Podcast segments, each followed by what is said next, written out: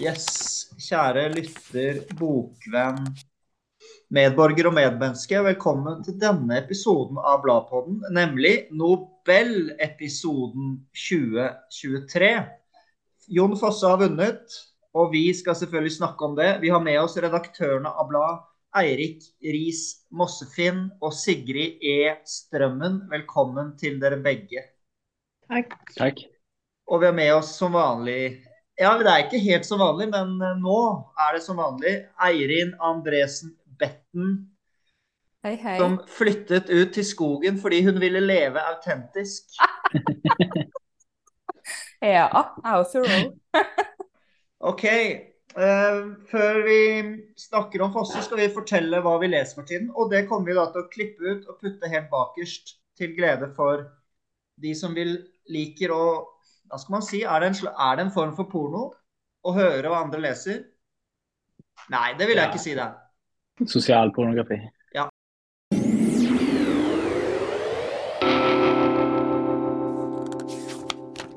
OK, da er det Jon Fosse-time. Og det første jeg har lyst til å spørre dere om Da det svenske akademiet leste opp sin begrunnelse for hvorfor Fosse fikk prisen, så sa de bl.a at han fikk prisen. På engelsk sto det, eller sa han, 'for his innovative place and prose, which give voice to the unsayable'.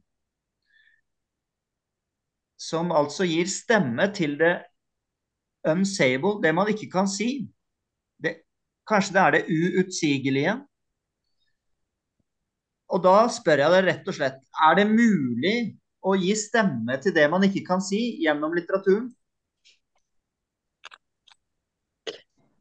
Eh, på sett og vis ikke Men det må vel være altså Jeg tenker på en måte ok, hva man, Først må man tenke seg hva er det, hva er det, liksom det utsigelige skal, skal, bety? da, Hva er det man ikke kan si noe om?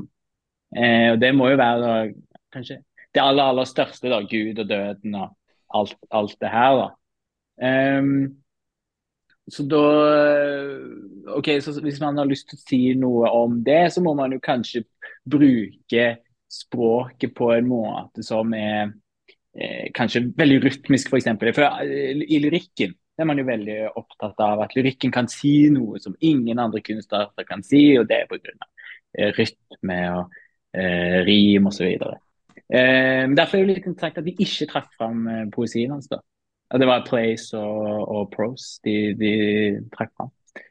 Eh, men det er jo en veldig rytmisk litteratur, da, så det er vel kanskje noe eh, Altså også prosaen. Veldig rytmisk. Det er kanskje noe inni det. da. Ja. Ja, det er noe musikalsk, kanskje. Du er åpen for at det kan være noe som kan som, som, poesien kan si det poetiske gjennom et musikalsk språk, så kan man si noe om Gud, døden og sånne ting?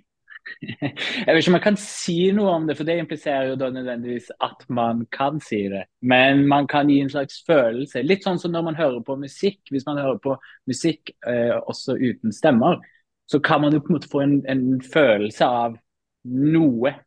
Og ja. dette noe er vel kanskje også mulig å få frem i, i litteraturen. Og det er det akademiet mener Fosse da klarer, da? Å komme nær dette noe? Ja.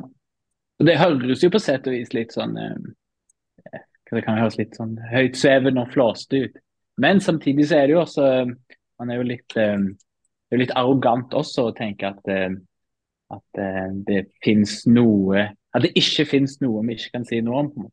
Altså at Vi må ja. også ha, være åpne for at det finnes et fins noe utenfor det vi kan forstå, som vi kan prøve å nærme oss på en eller annen måte. Hva syns dere, Eirin og Sigrid? Kan man, kan man sette ord på det uutsigelige? Eller gi, gi, et språk til det man ikke kan si? Mm.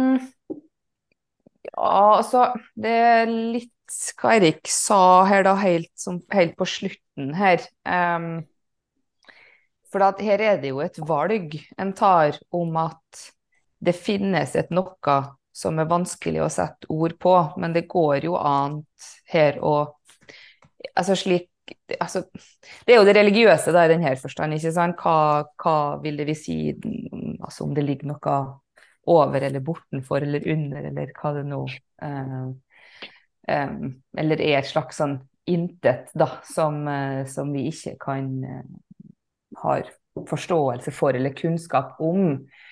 Um, men det er jo i og for seg et valg å velge å tro på at det er noe eksisterer eller ikke. Da. Vi kan jo òg I form av religion, f.eks. Men det finnes jo òg jeg tenker jo også noe, men Da går vi jo selvfølgelig forbi Fosse, da, men det finnes jo deler av altså, fysikken, eh, universet, det som er uoppdaga, som vi heller ikke har kunnskap om. Eh, altså helt fysiske, biologiske ting. Eh, altså det, det at universet er et sånn evig ekspanderende rom hvor ting bare beveger seg lenger og lenger fra hverandre, f.eks., er jo òg vanskelig å finne ord på. Så litteraturen, tenker jeg, er jo et fantastisk middel for å prøve, eller bruke ord og rytme, som òg ble nevnt her, til å finne en form til å forklare ting vi kanskje veldig mange ønsker å prøve å finne en formulering på, eller sette ord på, som kanskje bare få som har muligheten til å, til å gjøre det fordi at de eier ordets makt i den forstand, har forståelse for rytmen osv. Men jeg tenker hvis du velger å prøve å finne et språk for noe, så vil du kunne greie å gå i en eller annen retning for å greie å forklare det, da. Men uh, jeg tror kanskje av og til musikken, òg, som Eirik nevner her, at musikken er kanskje også mer interessant for å greie å vekke noen følelser om et noe, da, som litteraturen av og til kanskje òg har problemer med. Det er noe Hva er det som røskes tak i? Mm. Så det fins Dette noe finnes? For min del? Ja. Om det er religiøst, så nei. Ja, men jeg mener at det må jo ikke være religiøst. Nei, altså, det, helt enig. Det må ikke være religiøst, og det var det som var poenget mitt. Så var det, var det Ja, unnskyld? Nei, men altså, hvis, eh, hvis man er, går rundt og er veldig forelska, f.eks., ja. Så føles jo alle ord veldig banale. Eller, eller veldig mye kjærlighet. Sorry for den saks skyld. Da er jo, det kunne man jo kanskje argumentert for. I der og da iallfall føles veldig utsigelig. Mm. Hvordan skal du liksom Det finnes ikke samsvar mellom ordene og opplevelsen, da. Mm. Eh, men jeg er enig med det med musikken. Jeg hadde faktisk på eh, den dagen Fosse fikk Nobelprisen, hadde jeg en diskusjon eh, med et par venner om hva som var den beste kunstformen. Og de, de, mente alle musikk, da. Men jeg sto hardt på litteraturens eh, vegne og kjempa for den. Litteraturens største ingen, sorg Ingen nevnt billedkunsten? Litteraturens Nei. Nå mist... Sorry, Jonas. Nei, nei, det går bra. Jeg skulle, jeg skulle, bare si en aforisme som jeg har laget selv. Ok. Yeah. Litteraturens største sorg er at den ikke er musikk. Den har vi snakket om før. Eh, men Sigrid, hva mener du? Kan man, Fins det noe uutsigelig? Og kan eventuelt yeah. litteraturen sette ord på det? Og hva er det? Og kan Fosse gjøre det? Nei, altså ja til alle, spør alle spørsmål, kanskje. Um, jeg tror at um, om, om, som, som Eirin og Eirik sier, at uh, om vi snakker om noe, noe religiøst eller noe sånn kall det usynlig, da, eller liksom eh, noe bortenfor fatteevne og språk. Så, eller om vi snakker om mer eh, erfaringer og følelser der språket kommer til kort, så tror jeg at ord eh, Det er noe med den beste litteraturen kan bruke ord i et forsøk på å nærme seg dem. Og for meg er det det forsøket som gjør det verdifullt. Eh, jeg tror hvis du prøver å ta ord og fylle opp noen form for rom, eh, da blir det rot. Og da, det er da det blir eh, dårlig. Så, så, jeg vil ikke si Ord kan ikke gi uttrykk for det utsigelige, men de kan skape et rom rundt det utsigelige. Og det tenker jeg med Jon Fosse som Uh, av det forholdsvis altså det lille jeg har lest, så er han veldig god til å skape rom og, og stemningsfulle rom. Um, Altså både i fysisk forstand, um, nærmest scenisk, men også sånn mer stemningsfullt, assosiativt, som kan ta meg som leser inn i et sted der jeg nærmer meg et, hva nå enn han prøver å mm, formidle, da. Ja, der tror jeg du er innom noe ganske sentralt, at det er både fysisk og ikke-fysisk på samme tid da, i, i tekstene. Og at det, det, er på en måte også Det kan også være høy grad av alvor og veldig banalt også på samme tid.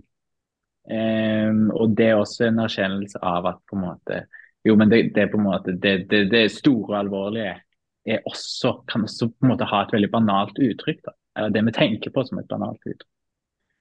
Jeg, jeg, jeg syns det var så kul begrunnelse. Det er jo litt, er jo litt sånn klisjé, da, men jeg, jeg syns det er en fin påminnelse. Jeg liker veldig godt den ideen om at det finnes noe utsigelig som litteraturen allikevel kan klare å peke på. For meg knytter jeg det til mysteriet at, det, at noe i det hele tatt finnes. Det er Når man sier det rett ut med rene ord, så, så får man jo ikke fram hvor rart det er. Der føler jeg det er en sånn gap da, mellom virkeligheten og språket. Også eh, Wittgenstein han hadde, har et sånt kjent sitat, siste setning i hans mest kjente verk, så skriver han om det man ikke kan tale, må man tie. Så ha, det er kanskje en sånn eh, erklæring om at nei, dette det går ikke. Men det er kanskje der da Fosse For, for mange lesere da, så, så, beveger Fosse seg inn i et felt som da kanskje gjennom musikaliteten, motivvalg, ja, eller hva det nå er, da, kanskje klarer å rekke et eller annet som grenser opp mot musikk eller andre ting. Jeg syns i hvert fall det er en veldig spennende tanke. Og den er ganske klisjéfylt, men det må vi liksom tørre å gå inn i de klisjeene. Så ja. Hvor, hvor, var dere da Fosse fikk prisen, og hva tenkte dere?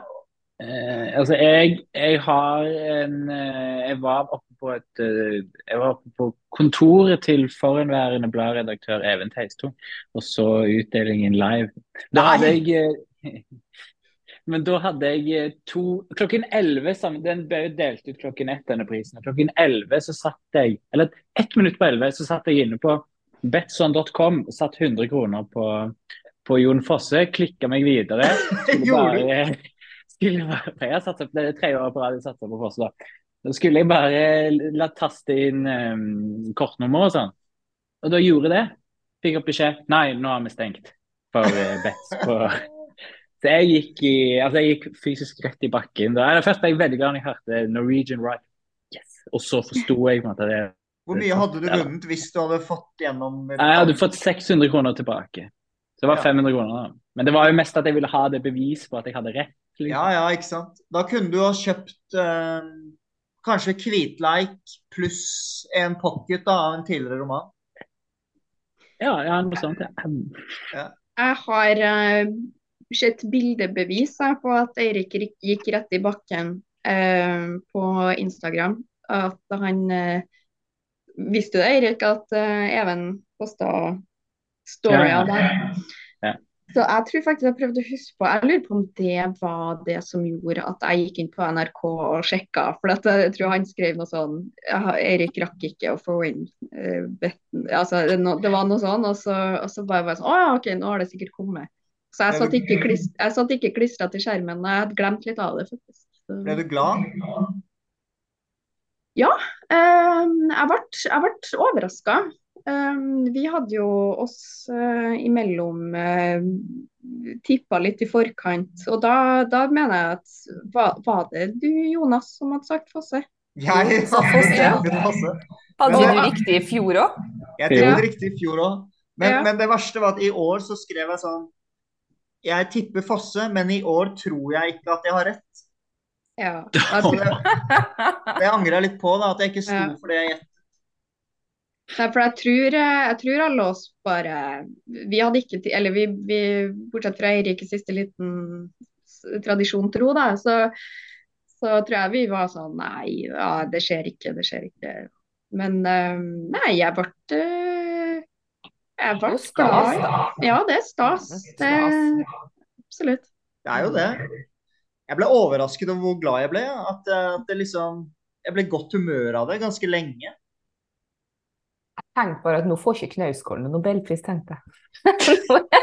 Var det gossetuda da, eller var det mer eh, Nei, jeg bare tenkte at nå, eh, nå, er det 40 år, nå er det 40 år til neste nordmann får en, eh, kan potensielt få en nobelpris. Nå er det liksom kjørt for nordmenn i veldig, veldig lang tid, så nå eh, tviler jeg på at det noen gang blir Knausgård. Ja, ja, da er han gammel, da. Dag Solstad Ja. får han jo iallfall ikke nå. Det er jo ja. Nei, og det er jo, Solstad får den jo ikke. Det var vel det, var det ikke han eh, Sven, Nei, kanskje jeg tar helt Ja, det feil. var Han svenske, han svenske, han Ja, Malm, Viktor Malm. ja. Malm. Ja. Han sa jo at det var feil nordmann som hadde fått, uh, fått prisen. Det er en diskusjon. jeg syns det Ja. Ja, det var riktig nordmann. Jeg er veldig glad i Solstad, men jeg, jeg vil heller at nobelprisen skal gå til Fosse. Ja. Ja, jeg tenker Dag Solstad er Norges beste forfatter, mens Fosse er på en måte verdens beste norske forfatter. ja, ikke sant. Jeg skjønner hva du mener.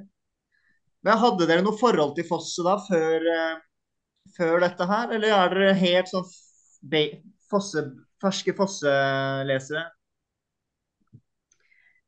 Jeg har en litt sånn biografisk tilknytning til Fosse, som er en sånn uh, profesjonell uh, tilknytning at um, jeg har faktisk ikke lest noe Fosse liksom av personlig, at jeg har valgt å, å lese det sånn på privaten, men første, krit, første kritikk jeg tror jeg noen gang skrev, um, var i studenttidsskriftet RIS i 2013. Jeg, jeg mener at det var den første, om ikke den første, så en av de aller første. Og det var av uh, diktsamlinga 'Stein til stein'. Um, og så, så det på en måte starta min eh, karriere som litteraturanmelder. Og så når jeg begynte å anmelde for eh, Vårt Land nå i um, ja, starten av 23, så var første boka jeg anmeldte for dem Hvitlek. Så det var en litt sånn et mors, eh, litt sånn pussig sammentreff. At eh, Ja. han, har vært, han har vært sentral i min Din karriere. karriere som, eh, som anmelder. Mm. Men har du lest noe mer enn det du har lest som anmelder? Nei, og det er ikke fordi nå har ikke jeg lest den der første kritikken jeg skrev på, siden, sikkert siden jeg skrev den, da, men eh, det har bare vært jeg har vært eh, positiv til det jeg har, eh, har lest, og alltid hatt en sånn eh, på lista over dem her eh, skal jeg sjekke ut, fordi jeg vet Ja. at jeg egentlig liker dem, men jeg har bare, har bare ikke fått gjort det. Så du har hatt en litt sånn profesjonell, men velvillig innstilling til Fosse, og, og gitt gode Ja. anmeldelser, og trillet terningkast, eller i hvert fall brukt noen positive adjektiv, da. Jep. OK. Hva med Eirin? Hva slags forhold har du til Fosse?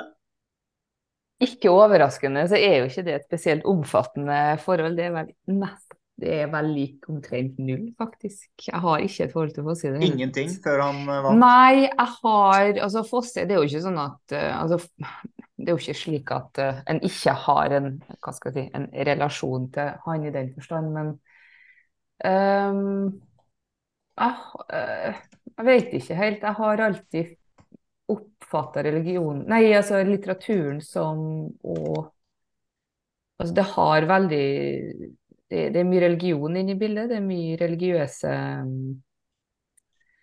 Altså, det er mye religiøs tematikk, og det er jo greit for så vidt, det, altså. Men uh, det er ikke alltid at jeg orker å lese og så veldig mye om Gud. Gud og religiøse metaforer, gudsmetaforer og Du får lese eh, starten av forfatterskapet hans da han var Ja. sosialistisk Ja, altså, jeg, hedning. jeg likte jo, jeg likte jo rødt, svart godt. Jeg likte ikke så godt Kvidling. Ah, kult! Du likte debutromanen bedre enn den siste romanen. Eh, Ja, uten tvil. Fosse, can you hear us? Can you hear us? Uten tvil. Det har bare gått nedover siden du vil. Nei, jeg, jeg likte debuten hans godt, men Kvitleg irriterte meg fra første til siste side. Ja. OK. Ja, så det. Eh, Så jeg hadde litt rett i å tro at det ble litt for mye sånn Det ble litt for symboltungt eh, for min del, da. Mm. ja. Ja. Men ja, nei, altså jeg har jo eh, leste litt Foss for kanskje ti år siden. Eh, trilogien og 'Morgen og kveld'. Og moderat interessant. Eh, men så leste, begynte, begynte jeg å lese septologien. Og den syns jeg er øh, virkelig strålende. Jeg skal få jo lest den, da. Det skal jeg ja, og Ja. der er det mye også bare vanlig bilkjøring og Mm. kjøttkaker og Det er ikke bare der Kvitleik er jo på en måte Nå er vi inne i dette symbolske land, symboltunge Ja. landskapet. Men, men det er mer eh, jordnært, så å si, i, i septologien. Nå har jeg bare lest fem av syv, da, så um, Bare. Bare og bare. Du da, Hva med deg, Jonas? Jonas? Jeg har likt Fosse definitivt. Um, Jeg husker ikke når jeg begynte å lese han. Han var jo på pensum da jeg studerte nordisk litteratur. Leste 'Morgen og kveld'. Har ofte liksom kikket på Naustet, husker jeg likte veldig godt. Og så hadde jeg en 'Bly og vatn'. Eller 'Blod og bly'. Hva het den igjen? Bly, bly og vann, ja. Den klarte jeg aldri å lese. Jeg syns den var så tung. Eh, Nå tvang jeg meg gjennom nå for noen, en ukes tid siden. Den syns jeg fortsatt er for drøyt, altså. Det er bare en sånn eh, stream of consciousness. eh, og, og jeg liker veldig mye av det sånn situasjonene. Jeg bare syns at det er en tekst som kunne vært konsentrert mye mer. Jeg, så jeg er ikke helt med. Men jeg syns noen av tekstene i Fosse er jeg utrolig glad i. Jeg liker situasjonen. Jeg liker 'Noen kommer til å komme'. Jeg syns det er så genialt, teaterteksten der. altså. En mann og en kvinne. 'Å, vi har det så fint. Ja, her har vi det fint. Ja, her er det bare oss.' Og ja, og så kommer det en angst. 'Å, men noen kommer til å komme'. Det er liksom så enkelt. Men jeg kjenner det Litt river Beckett, i litt Beckett her, da. Åpenbart. Han er veldig uh, Ja. inspirert av Beckett. Ja. Det er, han er stor Beckett. Uh, det er han veldig åpen om. Um, men jeg, jeg syns det er effektivt. Og det er kanskje noe av det har jeg begynt å skjønne jeg setter mest pris på i litteratur. Det er faktisk situasjoner. Sterke, intense, ladede situasjoner. De trenger ikke å være komplekse, men de kan bare være sånn at jeg føler dem. Eh, Men, men som sagt, så det er litt dobbelt at jeg syns en del av tekstene for seg er litt tunge. Og så noe av det er jeg kjempeglad i. Og så syns jeg noen av diktene hans er kjempefine. I hvert fall noen av de sangene. Skal lese en for dere litt senere. Jeg syns han har skrevet flere fine essays. Det er veldig interessant. Men det er masse jeg ikke har lest. Da. Herre min hatt. Masse, masse av teaterstykkene jeg ikke har lest. Masse av romanene, selvfølgelig. Eh, Jeg kan skjønne det du sier om Kvitleik, Eirin. Eh, Jeg likte den ikke så godt som jeg trodde jeg skulle gjøre. Eh, Jeg, jeg faller litt ut da, når det kommer et lysende vesen. Og, ja, det Men jeg er jo på en måte velvillig innstilt til det. Og så har han, han har sagt noe utrolig fint om at romanen må være dummere enn forfatteren. For, jeg, gjengir det feil, altså. Romanen må være dummere enn forfatteren, slik at den blir smartere på en eller annen måte. Altså, Du skal ikke prøve å være smart i romanen, og det, det er, har jeg litt sans for. Men jeg, nei, Kvitleik fikk jeg ikke helt til å stemme, da. Nei. Synes, ja. Altså, jeg syns det var greit, men eh, den er jo veldig Den føles jo på en måte som en konsentrert versjon av eh, store deler av forfatterskapet. Jeg syns jo den er helt en fin, OK liten sak, liksom. Men den har jo blitt eh, til scenetekst, da. Og det slo meg at den er jo litt mer sånn den er jo veldig Det er bare dette som skjer. Altså, det er liksom, den åpner seg ikke så mye utover mot andre verdener eller hopp i tid eller de andre aspektene som det er en del av ellers i, i Fosse. da. Eh, Så jeg lurer på om den gjør seg bedre på scenen enn eh, som roman. Kanskje. Jeg syns det var litt sånn Han går i skogen, og så møter han et lysende vesen. Og så er det en skapnad som går sammen. Det er kanskje det samme lysende vesenet. Og så ser han et par som da er foreldrene, og de, kanskje er de der, kanskje er de ikke der. Og så kommer det en mann i sort dress. Er det noen flere? an, han er vel ansiktsløs, er han ikke også det? Ja. En ansiktsløs mann. Er det flere han møter i den skogen, eller var det de? Tror du bare var de? Det er bare dem. Ja. Vi er jo eh, Det er jo noe drømmeaktig der, Mm. eh, tenker jeg. Eh, og også kanskje et sted mellom liv og død. Eh, det er jo veldig kaldt der han er. Definitivt. Mørkt, Eh, kaldt. Jeg likte Jeg det at foreldrene dukket opp. Det er et eller annet som man har med seg sine foreldre hele livet, liksom. Og kanskje også særlig i en situasjon hvor man møter døden, så er foreldrene der. mm. Det, Ja. det syns jeg var litt rørende og vakkert. Så det, det er et eksempel på sånn enkelhet da, som, eh, som Du har jo det i debuten òg, i Rødt svart. Altså faren som har fått det hjerteinfarktet, og han som er med den jenta, og så står han på scenen.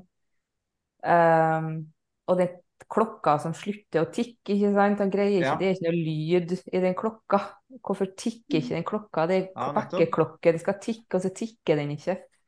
Og så er han hele tida innstilt på at ja, men nå er jeg her, så nå dør jo pappa, nå dør jo pappa, nå dør jo pappa. Og så drar han jo Mm. opp dit, og så ligger jo han og svever en plass midt imellom.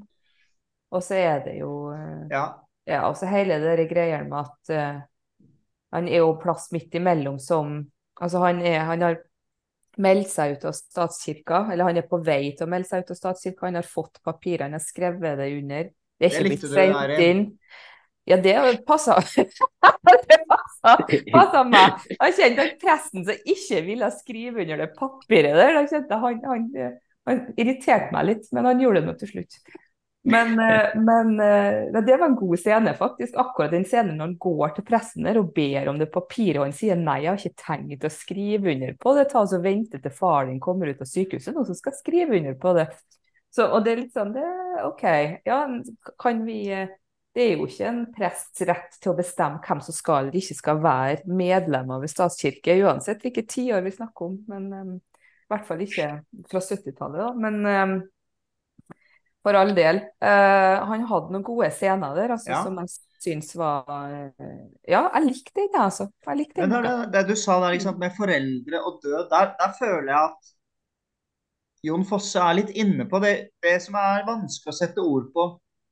Det Ja. utsigelige knyttet til død, tap, Ja, kjærlighet. også- Det er ja, store, men- svære ting. Og det er noe med foreldrenes nærvær, opphavets nærvær i de situasjonene der Jeg blir faktisk nesten litt rørt også når jeg snakker om det. og Det er vanskelig å sette ord på det. Der er Jon Fosse litt, altså jobber i det feltet, tror jeg. Hele den boka handler jo om at han han skal hjem, han skal hjem, han tenker at han skal hjem, han må dra hjem, og så går det så lang tid, så kommer han ikke hjem, og så går det fem måneder, og så hvorfor kommer han ikke hjem, og så drar han, og så hele, han tenker på at han skal hjem da, hele tida. Og hva er det her hjem? Uh, og han er jo reist bort, det er jo noe sånn veldig vestlandsk over det her, ikke sant? For han har jo reist bort for å bo på hybel.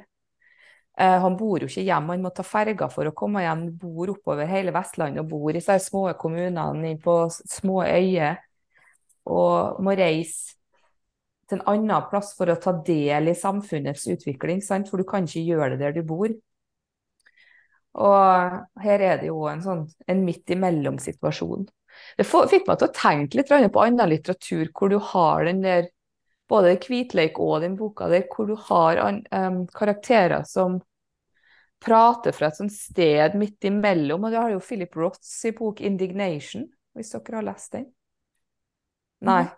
Og der er jo òg en sånn eh, Der er jo akkurat det samme med Han snakker vel egentlig eh, fra grava, da, forteller historie. Men jeg tenkte òg liksom på Charles Dickens, som møter på en måte skjebna i drømmen sin, altså 'Christmas Carol'. Ja. Og får på en måte livet speila ut for hva er det som skjer hvis du ikke gjør det her, eller hva blir skjebnen hvis du fortsetter slik. Sånn. Altså du har skjebnens moral da, som kommer til deg i, et annet, i en annen tilstand enn å være våken. da. Det er også der eh, den morgen og kveld befinner seg, den romanen. Som, som Dag Solstad har sagt eh, veldig kult, egentlig. Han har sagt det er den han skulle ønske han selv skrev. Eh, Jeg tror det er den kveld-delen av det. Det er. Det er jo interessant, da. Som Eirin sier noe med liksom å hele tida skulle dra hjem. Det fins jo også i Kvitleik en slags sånn Mm.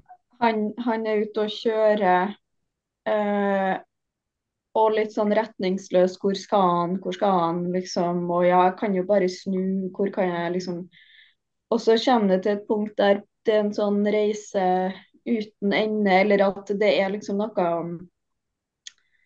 hva skal jeg si da? Det er liksom både noe veldig retningsløst og, og liksom manglende retning til samme tid. At det er en sånn eh, Det er noen noe form for dragning. Og det tenkte jeg også på eh, Ikke at jeg har sett eller lest noe kommer til, kommer til å komme, da, men denne ideen om eh, noe kommer til å skje. Det er jo en dragning mot deg, altså i, i retning der du er, da. Det, det er en sånn, virker som det er noe som går igjen hos han. Kvitleik er jo altså, Den er jo òg veldig sånn eh, eh, En paradoksal bok som hele veien prøver å bruke liksom Prøver å utforske hvor motsetningene kan sameksisteres. Det, det hvite og det svarte. Og så avslutter det med at det kommer en eller annen gråleik plutselig. Eh, og så er det denne skogen er både et lukka rom, men også helt, eh, helt åpen. Eh, og fri. Det er jo igjen da tilbake til dette utseigelige, at det er liksom noe uh, Ja, noe det, det, Og der er jo jeg er jo på en måte sier jo altså, nei, det må være på den ene måten, det må være sånn. Men så er det hele veien noen ting som, som stritter imot da, Ja, den virkelighetsoppfatningen. det er mye, det er mye paradokser, er det ikke det? Jo, Det er foreldrene, det er ikke foreldrene. Det er et lys, det var ikke et lys. Det er uh, mørke ly... Ja. Det er en bok jeg kan skjønne at man ikke liker òg. Jeg skjønner veldig godt Lise Meirin og sikkert mange, altså det, mange andre som eh, ikke liker det. Og, og jeg kjenner litt sånn Hva er det i meg som liker det? på en måte. Det er ikke sånn jeg, jeg vil ikke si at jeg elsker altså at jeg blir helt sånn det her er fantastisk, men, at, men jeg tror ikke at akkurat den boka er tenkt sånn. Og det, det er litt interessant at det er jo en veldig liten bok som kommer rett etter han har fullført septologien. vel.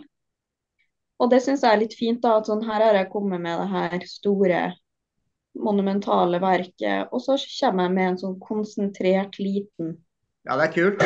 fortelling. Jo, jeg merker når vi snakker om boka, så skifter jeg nesten mening. Jeg begynner å like Kvitleik bedre og bedre. Men han har gitt ut septologien. Ikke noe punktum. Og så er det litt frekt og snappy da, å åpne neste bok med en setning på fire ord, bare. Jeg kjørte av gårde. Punktum. Det gjorde godt. Punktum. Røsla gjorde godt. Punktum. Altså, der er det litt sånn Her skal vi inn i et korte setninger-land. Mm. ja. Men han har ingen spørsmålstegn, da. Det har han kutta ut uh, denne gangen. er det Det greia? er alltid noe. Ja, tydeligvis. Det er, det er ingen spørsmål. Selv om det er spørsmål, så er det punktum etter det. OK. Men jeg brukte etter hvert å gjøre noe eh, som jeg syntes var litt morsomt. Det var å tenke meg at det var utropstegn bak hver setning istedenfor. Som om man må skrike ut alle setningene. Og da ble det en veldig spesiell rytme. Jeg du anbefaler alle å prøve. Du byttet ut alle punktene med utropstegn. Ja, Det er morsomt morsom blir- lek, da. ja. Kanskje det er sånn teater, teaterversjonen blir? At det blir bare sånn masse skriking og ja, kanskje. Vet dere hva boken heter på engelsk? Det lurer jeg veldig på. Da skal dere få lov å gjette, ikke lov å google. Hva tror dere Kvitleik heter på engelsk? Eh, jeg tipper 'brightness'. Ikke noe dårlig valg, det. Brightness. Det er feil, men det var ikke noe dårlig valg. Mm, kan det ha noe med lys å gjøre? Kanskje, ja, det har jo det. Sånn luminescence eller illuminating eller noe sånt, var det? Nei. Nei, ikke Det det. er, eh, jeg kan avsløre at det er også tittelen på en roman som ble til en utrolig kjent skrekkfilm. Og, og skrekkfilmen har samme navn? Ja. Ah, Shining. Blair liksom. Witch Project.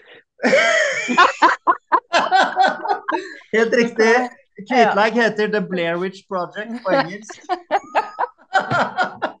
Det er nesten samme plott. Går ut i skogen, møter masse folk. Nei, det, eh, Eirin har rett. Det var The Shining. Det om det var The Blair Witch Project. Men, men det er et sånt triks man kan gjøre Nei, men- Er å lese norske forfattere på engelsk. Eh, fordi man kan iblant komme litt for nære de norske forfatterne, og man kan bli litt sånn påvirket da, av at, det er, at vi deler språk. Det kan være utrolig oppklarende iblant å, å lese, syns jeg, norsk litteratur på engelsk. Snorres kongesagaer, les, det er utrolig artig å lese på engelsk. Da skjønner man jøss, dette er jo dritkult. For det er ikke norskundervisninga på første videregående lenger. Ikke sant? Nei.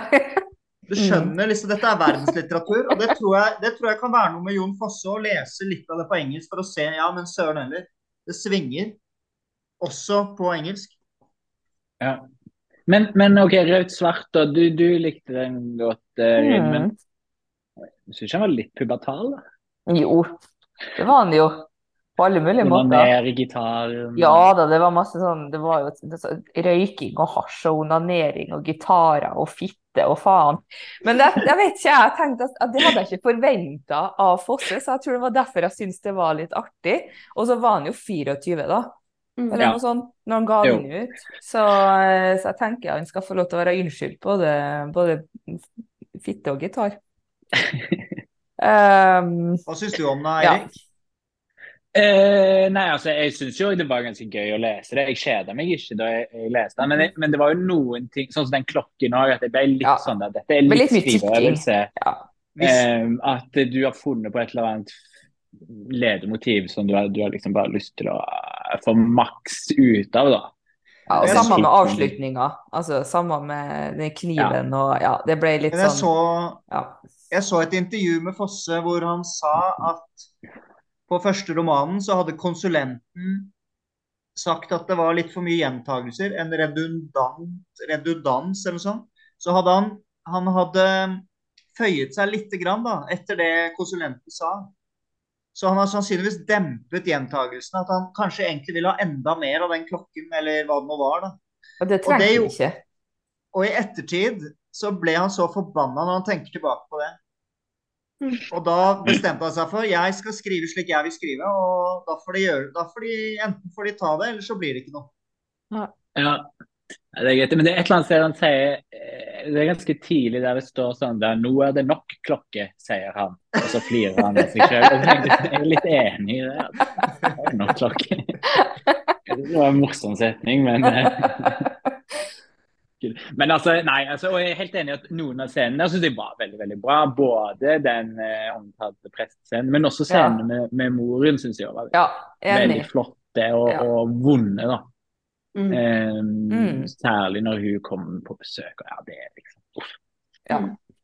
Så, nei, det er absolutt en god roman. Hadde, hadde jeg fått en sånn debutroman på pulten min nå og skulle anmeldt den, så, så ville jeg vært veldig positiv. Det er lett å si, da. Nobelprisvinneren. Ja, det, jeg tror det Ja, det Jo, er men- noe der, det er noe ja. der som virkelig skinner igjennom. Det er en, det er Ja. en litterær Og det tror jeg en av anmeldelsene jeg leste også, av den debutromanen, som var egentlig ganske kritisk, men allikevel sa at det her er det et Forfatteren har virkelig et eller annet på hjertet. Ja. Jeg syns man kan Ja. merke en sånn Ja, det er en stemme, og det er en vilje og en intensjon til å Til å si det utsigelige, nesten. Nei da, nå, nå skal ikke jeg spøke det bort. Jeg angrer på at jeg sa. Men eh, den er veldig vanskelig å få tak i, den Raut Svart. Den er utsolgt fra forlaget. Uh, jeg fikk ikke tak i den på Deichmanske. Den var utlånt. De hadde ikke så mange eksemplarer. Den var utlånt på Universitetsbiblioteket på Blindern. Eh, Ja, forlaget var gått tom, så De trykker på nye nå, da. de gjør det, ja. Mm. Ja, det skulle komme om ikke så lenge. Så jeg. ok.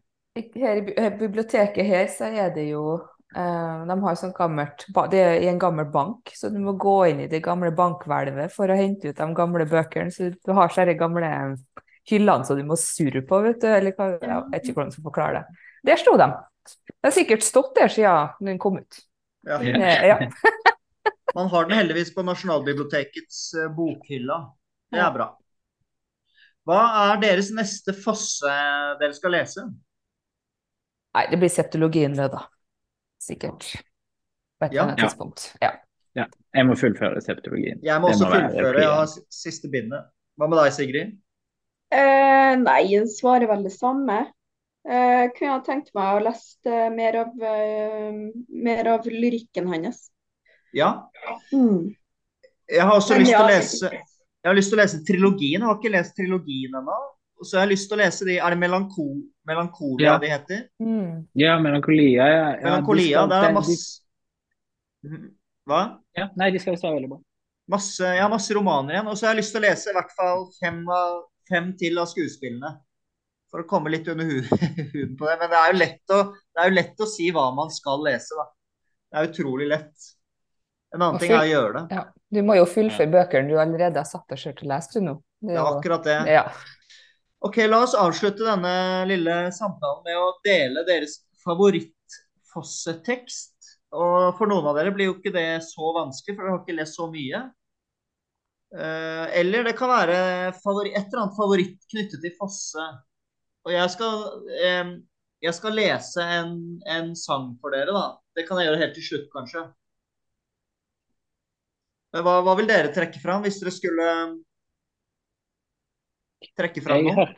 jeg hørte en for jeg hadde en kompis som skrev eh, masteroppgave om Fosse, og han var veldig opptatt av liksom, eh, hvordan eh, forfattere skriver. Så han sa at liksom, Jon Fosse elsker Mac-en sin. Altså virkelig. Han.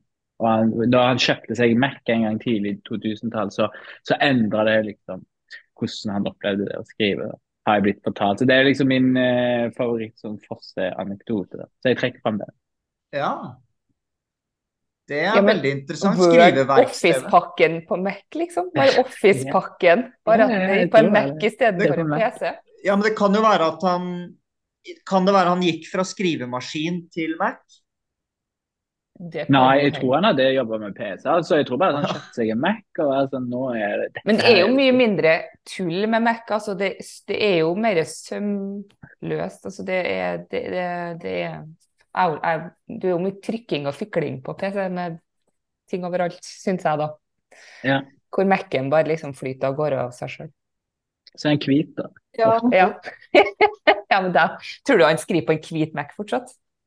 Tror du han har en hvit Mac fortsatt? Det ville jo vært helt eh, ja, det, Operativsystemene fungerer jo ikke på den, så den må jo Det, det ville ha vært eh, nesten hårreisende. Om han fortsatt hadde en hvit Mac som funka. Hva, hva med deg, Sigrid, Sigrid E. Strømmen? Jeg må si Sigrid Elise Strømmen. Når jeg holder min tweetleik, så leser jeg bakpå, og der leser jeg en blurb av deg. Å, det visste jeg faktisk ikke engang. Hva visste du ikke det? Nei, så artig, da. Hva tror du de har valgt? Husker du hva du skrev om den? Jeg tror de har valgt eh, bra. Bra bok. God bok, ja. Den, er- du, har, du har skrevet 'intens og medrivende'. Ja, kan, kan stå ved det.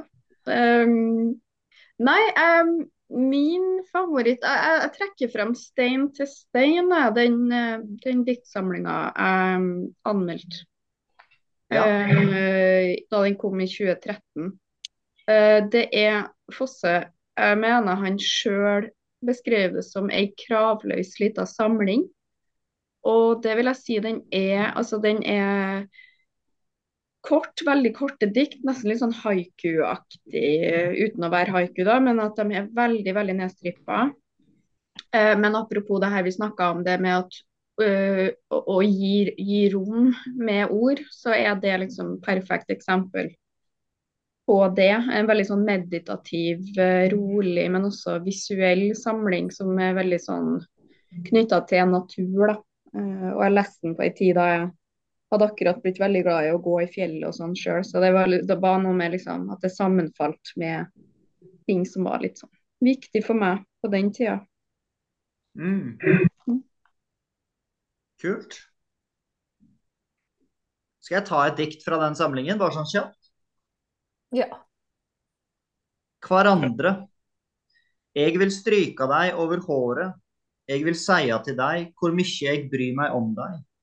Og så ser jeg ei brå redsle i auga dine, og så smiler vi til hverandre.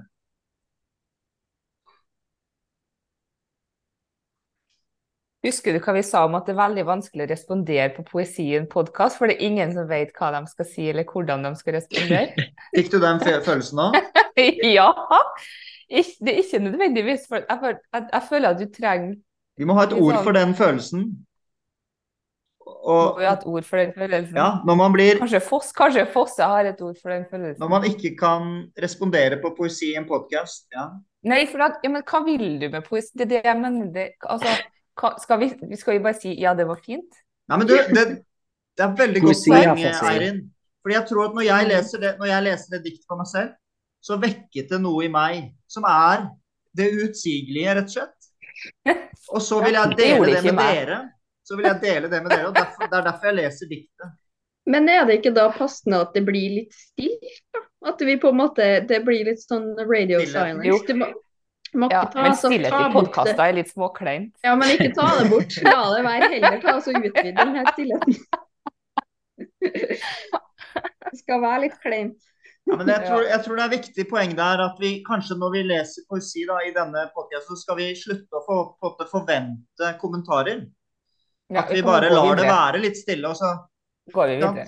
Ja, Ja. uten at vi For at jeg skjønner hva du mener, at jeg legger opp til å liksom høre At dere skal ta en spontan diktanalyse, liksom. Og det blir jo litt feil. Det går ikke. Nei, men det, det, skjønner, det er et poeng det der. Som prima vista diktanalyse. Ja ja, stryke over håret. Ja ja ja. Det, det er et bra motiv. Hårstrykemotivet i vestlig litteratur. Har du noe, Eirin, favoritt-Fosse-greie?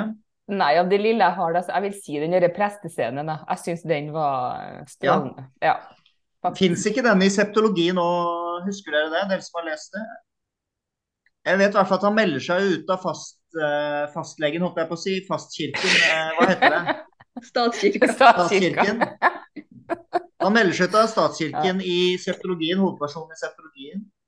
Jeg husker ikke om det var sånn at presten liksom nektet å Nei, det kan ikke jeg huske, men det er jo en del overlapp mellom de. Det er jo noe musikk og noe oppgjør med Ja. foreldrene. Det er masse Det er sånn, det er sånn Ja. utrolig, det er noe utrolig vestlandsk å ha prester som nekter å, ver- ne å melde ut folk av statskirka. Det er jo helt, eh, det er helt strålende. Ja. OK, men uh, da skal dere få min uh, Her kommer det en, et, enda et dikt da, av Fosse. Og da skal dere få slippe å kommentere det. Og det er faktisk ikke bare et dikt, det er en sang. Ni songar, med mørke. Eh, ja, man kunne sikkert sagt mer om det, men, men nå skal jeg lese det, og det er Jeg skal også lese det litt rytmisk, fordi hvis jeg har rett, så er det eh, skrevet tunglet, tunglet Det vil si trokeer. Det er trokeisk, tror jeg. Er dere klare? Mm. Og da skal vi si at når jeg har lest det ferdig, så er det slutt. da, Så skal dere få slippe å kommentere på det. Skal vi bare si det sånn? Ja, det kan vi si. OK. Der det står, det står, det står og står der. Der det lyser, lyser, lyser klart. Der det er, det er og er og er der. Der det finst, det finst og finst og er. Der finst deg som alltid, alltid lengtar. Der fins deg som aldri, aldri kan. Der finst deg som alltid er i smerte. Der finst deg som tapte, aldri vann. Det fins trøyst i all vår store smerte. Det fins lys fra mørket som vi er. Det fins lys som lyser fra vårt mørker. Og i det, i det, der er vårt verd. Skjemmet av noen eh, opplesningsfeil fra meg i rytme og sånn, men jeg tror allikevel det utsigelige kom ganske greit frem her. Um, Tusen takk til Fosse. Takk til Nobelkomiteen. Takk til dere mm, bladredaktører og Eirin Andresen Betten. Og takk til deg, kjære lytter.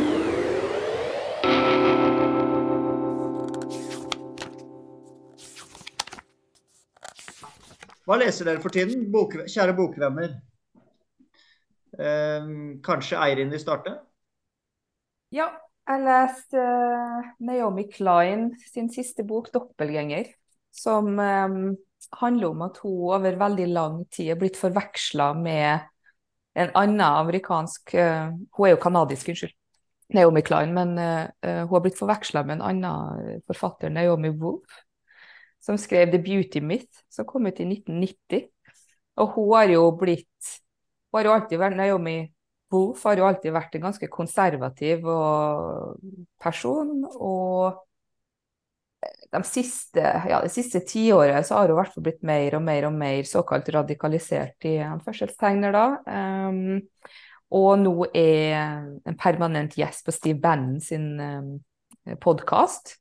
Og hun mente f.eks. at under pandemien så måtte, du, måtte man separere måtte finne ut av Annet altså, kunne greie å separere kloakken til vaksinerte versus ikke-vaksinerte mennesker og sånn, da, for dem to ikke skulle blande seg osv. osv. Så, så det er jo helt ute å kjøre det her. Men så har du Naomi Klein som er langt ut på venstresida, skriver bok om altså skrev du Shock Doctrine og No Logo f.eks. om store kapitalistiske systemer og sjokk til, sjokk til systemene. Da, som, og de to blir forveksla selv om de har fullstendig uh, forskjellig politisk uh, agenda. Uh, men navnet deres er mer enn nok til at folk tror at de er en og samme person. Og det, Men gjør hun, hun gjør det kanskje noe større ut av det? Setter det inn i en eller annen kulturell sammenheng, eller dette ja, ja, ja, ja, ja, ja, ja, ja absolutt. Altså, det, hun kaller jo 'A trip into the mirror world', så hun har jo gått langt ned i konspirasjonsteorier. og, ja, ja, ja, så det, det er en kjempeinteressant bok.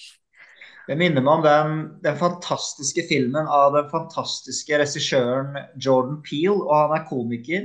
Ja, hun snakker Også- mye om den. Han, hun gjør det, ja? Ja, ja, ja. Den er, å, har dere sett den? Øss. ja jeg har ikke sett den, Den dessverre. er så creepy. Det viser seg Ja. at under jorden lever det en dobbeltgjeng i verden, men alle har sin dobbeltgjenger. Og når du beveger en hånd, så beveger den seg der nede. Og så kommer disse creepy dobbeltgjengerne opp til overflaten for å ta tilbake sin eh, vilje og makt og autonomitet. Ja, litt eh, Ja, jeg skal få se den. Det, den er, verdt, den er visst virkelig verdt å se, da. Jeg elsker det, jeg elsker det. ja. OK, hva leser, eh, hva leser Sigrid, Sigrid E. Strømmen? Jeg leser um, 'The Lonely City' av Olivia Lang. Jeg Jeg jeg leser den! Gjør du det? Ja! Jeg er midt i den. Ja, men så kult. Nei, fordi faktisk Sist Eirin var innom bladkontoret, så snakka vi så vidt om det litt sånn essayistiske eh, bøker og litt sånn eh, kjærligheten for bøker som liksom ikke har noe plott, men bare er liksom erfaring og å være liksom i, eh, i et menneskesinn. Og den her, eh, ja, 'The Lonely City', så den handler om eh, en periode da forfatteren flytta til New York. Um, og hvis jeg, hvis jeg husker riktig, så er det at hun skal egentlig flytte der eh, liksom å, å bo sammen med kjæresten sin, og så blir det slutt ganske tidlig. Så, og istedenfor å da liksom reise hjem, eller jeg tror istedenfor å droppe reisen, så drar hun dit, da. Og, og framleie til diverse folk. Og, og boka handler liksom egentlig om um, tida hennes der og um, det å være ensom. Handler om ensomhet. Um, og oppi det her sjølbiografiske så er det um, mye om ensom kunst og um, ensomhet i ja, billedkunst først og fremst. Um, så hun drar rundt på gallerier og museum og skriver om uh, ja, litt sånn særinger, loners, uh, som Andy Warhol og og kunst som kanskje mer representerer en form for ensomhet, sånn som eh, Edward, Edward Hopper og litt sånn den stilen der. Um, kos meg. Jeg har ikke lest noe, med, noe av hun før, men jeg merker at hun, uh, Hun er Ja, veldig sjekket ja. Ut mer. Kult. Mm. Jeg vet at i, i, i- på det norske bokmarkedet så, så kom Hilde Østby kom ut med en bok om ensomhet. Sakprosabok for ikke så lenge siden. Eh, Jeg har ikke lest hele, men det lille jeg har lest om, det virket utrolig fint. Mm. Eh, Det er et veldig spennende tema. Mm. Nei, veldig. Hun er liksom innom det på en estetisk måte, men også liksom mer sånn nå Det siste jeg har lest, det går jeg mer inn i sånn psykologi og tilknytningsteori, eller hva det heter. Altså mer sånn grunner til hvorfor folk kan være ensomme. Men også mer sånn sosiale årsaker. Folk som er støtt ut av samfunnet eh, på ulike måter. Så det er liksom en veldig fin måte å nærme seg temaet på, også med den der personlige eh, vinklinga. Mm. Det er jo også re sikkert relevant for um, det vi skal snakke om, men ifølge lytteren allerede har snakket om. Eh, I hvert fall noen av karakterene til Jon Fosse. Ensomhet. Men også dobbeltgjenger er jo også eh, en fossisk Ja, eh, struktur. Ja. hvor da Ja, ja, selvfølgelig. eh, I, i septologien Selvfølgelig. der er det jo en eh, beint fram dobbeltgjenger. Der er ensomhet, der er dobbeltgjenger, der er hele pakka. Det er alt. Hva, hva leser du for tiden, Eirik Riis Massefilm? Eh, akkurat nå så leser jeg eh, eh, Flauberts tre fortellinger. Eller jeg har lest én av tre fortellinger. Eh, den første, eh, som heter 'En enkel sjel'. Eh, som handler om en sånn en, en tjenestepike.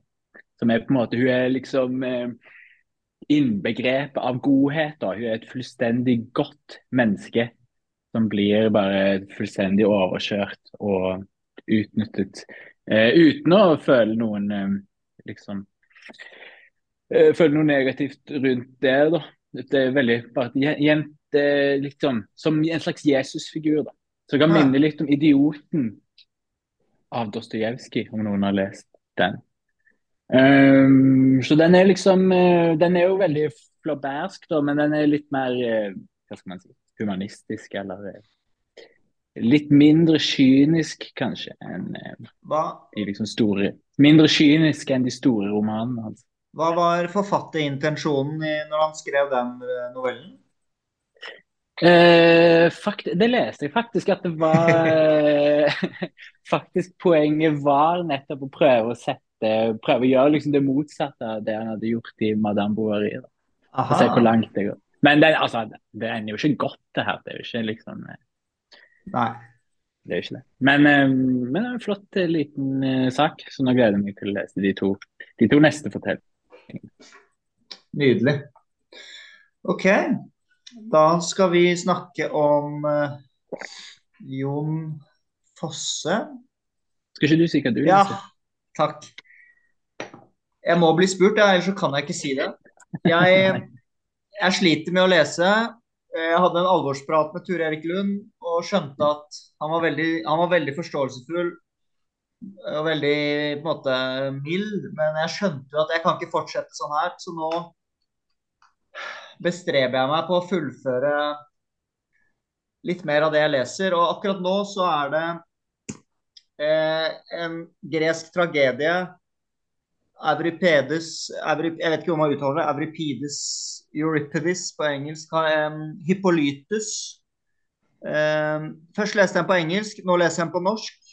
Fantastisk oversettelse. Peder Østby, han som har oversatt Homer og sånn. Og så, skjønner dere, så har dere sikkert hørt om Fedra av Jean Razin. Han eh, 1600-tallet trage, tra, franske tragedieforfatteren. Den er basert på Hippolytus av, Evripides. Men det er et mellomledd. Seneca den yngre har også Og det er jo helt rart. Romersk forfatter som skrev også Hippolytus. Bare sånn brukte Euripides som modell. Bare sånn tok samme karakterer, hele pakka. Så jeg, prøv, jeg skal nå Det er litt fancy, da, men da skal jeg lese de tre, tenkte jeg. Og ja, komme litt inn i klassisk litteratur, gresk, romersk og fransk eh, Hva kaller man den perioden i Frankrike? Men det er altså 1600-tallet. Tragediedikt. Klassisismen. Klassisisme er det kanskje.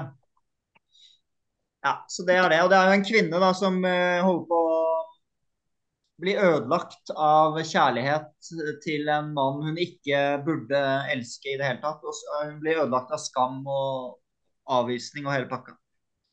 Jeg er litt interessert i hvilke råd Tur Erik Lund ga deg nå. Det Nei, han, han, ja. Nei ja, han ga meg han, han, han var ikke sånn at han ga meg et råd, men han bare lyttet til meg. Og det var Mhm. nok. Det var nok til at jeg skjønte hva jeg måtte gjøre.